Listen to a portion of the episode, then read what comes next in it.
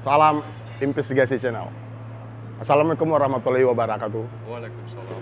Pemirsa Investigasi Channel, saat ini di saat pandemi mungkin objek wisata khususnya di Kota Padang ini mungkin agak sepi. Para wisatawan mungkin agak takut lah untuk mengunjungi Kota Padang karena kita juga dibatasi oleh uh, pes berbagai hal yang harus dipenuhi standar protokol kesehatan. Saat ini kami sudah bersama Kepala Dinas Kota Padang, Bapak Arfian, dan kami ingin ngobrol lah bagaimana sih saat ini kondisi pariwisata Kota Padang sesudah sebelum pandemi dan sesudah pandemi dan langkah apa yang akan dilakukan Dinas Pariwisata Kota Padang untuk ke depannya. Untuk kali ini kami akan sudah kedatangan bintang tamu narasumber kami beliau adalah Kepala Dinas Kota Padang Bapak Arfian dan langsung saja kami perkenalkan pada siang hari ini beliau adalah Bapak Arfian. Selamat siang Pak Arfian. Selamat siang. ya. Pak terima kasih Pak telah ya. hadir di Investigasi Channel untuk memberikan informasinya bagaimana kondisi pariwisata Kota Padang saat ini Pak. Ya. Pak bisakah Bapak sampaikan saat ini bagaimana sih Pak melihat kondisi pariwisata Kota Padang Pak? Iya, jadi kalau kita melihat secara kasat mata, mm. sektor yang sangat terdampak akibat pandemi ini adalah sektor pariwisata. Mm. Jujur kita akui, yeah. Kalau kita lihat, uh, kita bandingkan saat bagaimana pariwisata sebelum pandemi mm. dengan setelah pandemi mm. itu sangat jauh perubahannya. Salah satu contoh indikator yang nyata adalah pendapatan asli daerah mm. yang bersumber dari sektor kepariwisataan. Mm itu sebelum pandemi itu hampir di atas 100 miliar iya. yang memberikan kontribusi untuk pemerintah Kota Padang dari segi pendapatan. Di saat pandemi di tahun 2020 hmm. itu hampir separuhnya turun. Jadi sangat drastis sekali karena memang kalau kita melihat pariwisata itu adalah bagaimana kita menjual Kota hmm. Padang. Iya, iya, iya. Orang datang ke Padang iya. sehingga ini menjadi uh, sumber pendapatan bagi pemerintah. Iya. Tetapi dengan adanya pandemi tentu tidak boleh orang datang. Hmm. Diawali dengan adanya PSBB, hmm. batasan sosial berskala besar. Hmm. Tidak satu pun objek wisata, kegiatan yang bisa kita lakukan. Hmm. Setelah PSBB masuk lagi ke PPKM. PPM, ya, PPKM. Dimulai dari PPKM pengetatan, ya. kemudian PPKM darurat, dan sekarang PPKM level. Ya. Ada level 4, level 3, level 2, level 1. Hmm. Sampai hari ini Kota Padang masih berada di PPKM level 4. Hmm. Tidak boleh ada kegiatan hmm. event yang bisa kita laksanakan. Yeah. Makanya ini menjadi problem bagi kita. Hmm. Bagaimana uh, sektor pariwisata ini bisa mendak kembali. Hmm. Salah satu juga yang menjadi indikator di PPKM level 4 itu semua destinasi wisata harus tutup. Hmm. Tidak boleh kita buka. Yeah, yeah. Jadi memang uh, itulah bagaimana keterpurukan pariwisata di tengah pandemi. Kita tahu bahwasanya sektor pariwisata adalah merupakan visi dari Wali Kota Padang. Ya. Itu kita berharap uh, ada langkah-langkah yang akan kita lakukan. Ya. Tapi mungkin nanti kita akan coba hmm. setelah melihat kondisi pandemi dan juga PPKM sesuai dengan instruksi Menteri Dalam Negeri itu bisa ditekan seminimal mungkin, mungkin bisa akan kita melakukan event-event ataupun kegiatan. Ya. Pak, kita tahu Pak, ya. kita Padang ini kan dikenal yang bisa kita jual itu kan objek wisata ya kan Pak. Kita kita dikenal itu, kita yang di, ya. bisa kita jual dengan tanda petik di kota di kota Padang ini pariwisata karena itu menjadi produk unggulan kita Pak. Ya. Kiatnya ke depan apa? Yang saat ini Pak yang akan dilakukan dinas Pak. Iya, jadi memang eh, walaupun di tengah pandemi hmm. kita tidak tutup eh, apa tidak berpangku tangan, hmm. itu berbagai upaya dan terobosan kita lakukan. Hmm Salah satu contohnya adalah bagaimana uh, kita mencoba mengemas mm -hmm. pariwisata virtual. Mm. Nah, jadi destinasi wisata yang ada di Kota Padang kita liput mm -hmm. dan itu yang kita jual melalui apakah itu media online dan lain sebagainya, yeah, termasuk yeah. di website kita sendiri, yeah, yeah. kemudian di YouTube, Twitter, Instagram dan lain sebagainya. Yeah, yeah. Jadi inilah upaya-upaya yang bisa kita lakukan hmm. termasuk juga mungkin saat ini juga kita akan melakukan pembenahan destinasi hmm. nah, ada beberapa kegiatan yang kita lakukan untuk pembenahan destinasi ini mudah-mudahan di saat pandemi berakhir destinasi kita sudah berubah hmm. dan itu akan menarik kunjungan wisatawan ke Kota Padang. Hmm. Pak, ini lagi Pak, artinya Padang ini kan di kita salah satu produk unggulan kita wisata inilah Artinya Pak, bagaimana Pak saat ini Pak lihat kondisi Pak ya kita ya prihatin juga ya karena iya. kita kan pariwisata ini Pak mendapat income yang besar untuk pihak dia ya kan Pak. Iya. Dengan dampaknya saat ini gimana Pak? Memang sangat jauh terpuruk. Terpuruk Pak ya. Terpuruk. Hmm. Kalau kita lihat dari uh, kalau bisa spesifiknya Pak, uh, presentasenya gimana itu Pak? Pari, apa pariwisata kita nih Pak? Dari saat sebelum pandemi hmm. dengan saat pandemi ini hmm. itu berkurang hampir 60 persen. Oh, jauh ya? Jauh sekali. Jauh sekali Pak. Termasuk juga jumlah kunjungan hmm. dari wisatawan dan dari sektor-sektor yang lainnya. Hmm. Termasuk juga pelaku-pelaku usaha yang terdampak akibat pandemi ini. Hmm. Jadi memang eh, seperti yang kami sampaikan di awal, salah satu sektor yang terdampak akibat pandemi ini adalah sektor kepariwisataan. Mm -hmm. Karena memang pariwisata itu sifatnya menggalih. Mm -hmm. Benar benar. Supaya orang ramai datang. Iya, Tapi iya. orang Tobana yang dibatasi. Batasi. Tidak dibolehkan. Nah, iya, itu iya. kondisinya. Luar biasa. Iya. Artinya Pak, sejauh ini Pak, uh, pemerintah Kota Padang melalui Dinas Pariwisata sudah melakukan kiat-kiat tertentu Pak. Artinya minimal untuk memancing, uh, karena mungkin saat ini Pak ya, artinya ya yang langkah berikutnya Pak apa yang akan dilakukan Pak? Iya, jadi seperti yang kami sampaikan tadi, saat ini kita mencoba mengemas uh, nah. promosi wisata itu melalui uh, pariwisata virtual. Iya. Orang kita ajak berkunjung walaupun melalui uh, hmm. dunia maya gitu ya, kan, ya, tapi ya. orang bisa melihat, hmm. maksudnya inilah kondisi objek wisata yang ada di Kota Padang. Uh. Seolah-olah orang itu berada di destinasi wisata. Uh. Jika ke depan ini yang kita coba kembangkan, kalau memang pandemi ini masih berlanjut. Hmm tapi kita yakin dan percaya kalau memang seluruh warga masyarakat Kota Padang taat dan patuh menerapkan protokol kesehatan, hmm. mungkin pandemi ini bisa kita tekan penyebarannya hmm. sehingga uh, destinasi bisa kita buka kembali, yeah. sehingga orang bisa hadir di Kota Padang dan event-event pun akan kita gelar hmm. supaya orang uh, bisa hadir ke Padang. Kita sudah punya konsep uh, ataupun ide untuk menggelar event. Hmm ada beberapa event yang kita coba gelar nantinya hmm. kalau memang pandemi ini sudah berakhir. Hmm. Pertama adalah uh, kegiatan uh, festival Marandang. Hmm.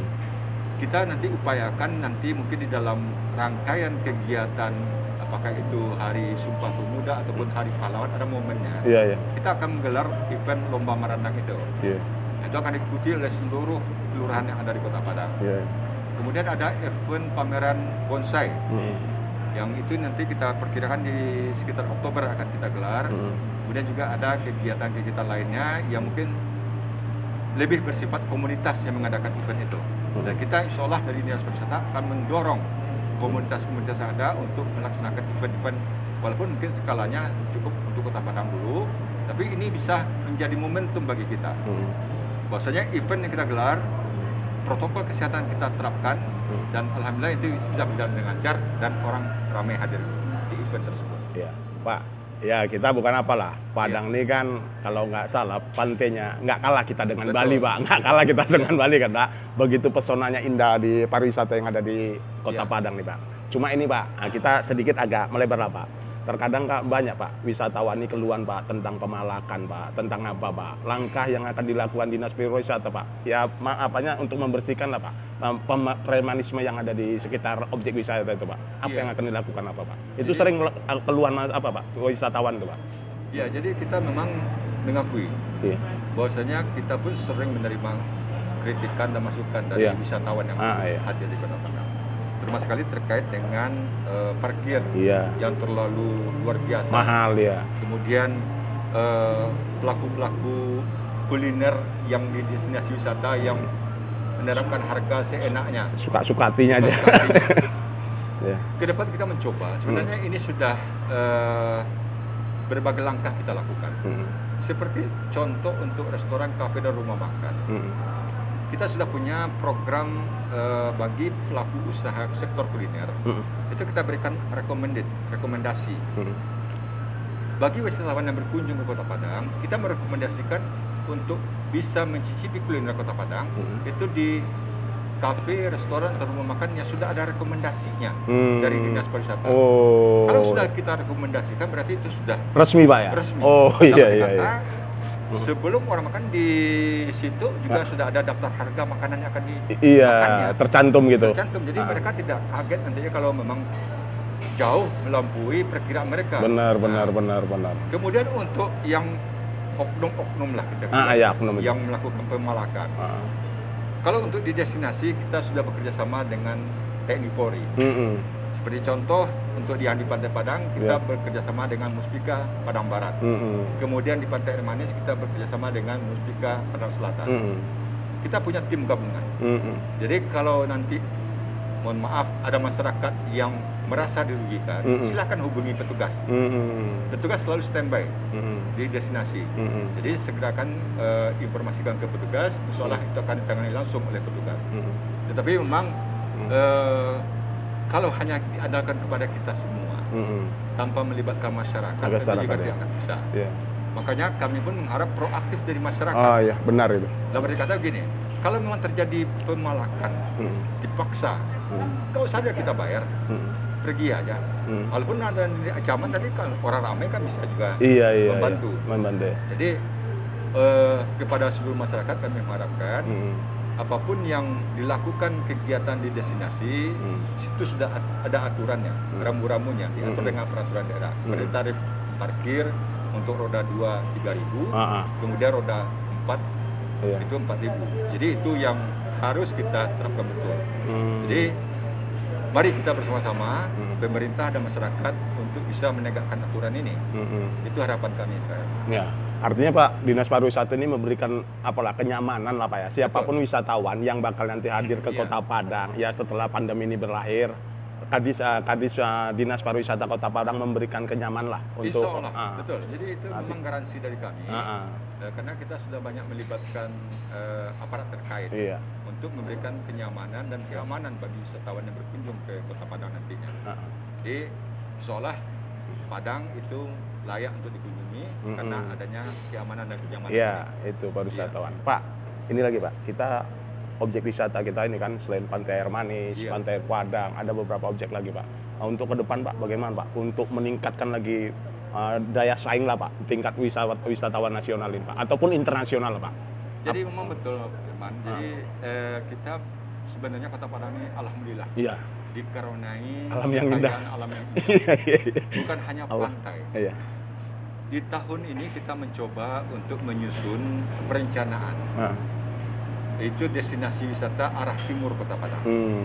Ada seperti yang di Lubuk Menturun, iya. kemudian di Lubuk Tempurung, hmm. kemudian di Gua Kelelawar di uh, Lubuk Kilangan, iya.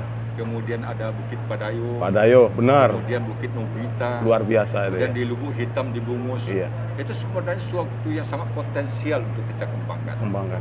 Nah, kita sudah menyusun itu. Mudah-mudahan nanti di 2022 kita akan membenahi destinasi itu. Yeah sehingga orang untuk mencapai ke lokasi itu tidak terlalu sulit. Hmm. Makanya sarana dan prasarana harus kita siapkan untuk menuju lokasi destinasi. Hmm. Karena kalau kita lihat kondisi sekarang, hmm. memang cukup berat untuk bisa menuju lokasi destinasi itu. Yeah. Makanya uh, kita ke depan mencoba di 2022 insya Allah itu sudah komitmen dengan Pak Wali Kota Padang, hmm. kita benahi destinasi arah timur Kota Padang ini. Hmm. Kemudian juga uh, yang perlu kita ketahui bersama, hmm. bahwasanya destinasi yang arah timur itu hmm. itu memang tidak serta merta kita bisa mengelolanya hmm. karena itu merupakan tanah ulayat ya. kemudian tanah masyarakat hmm.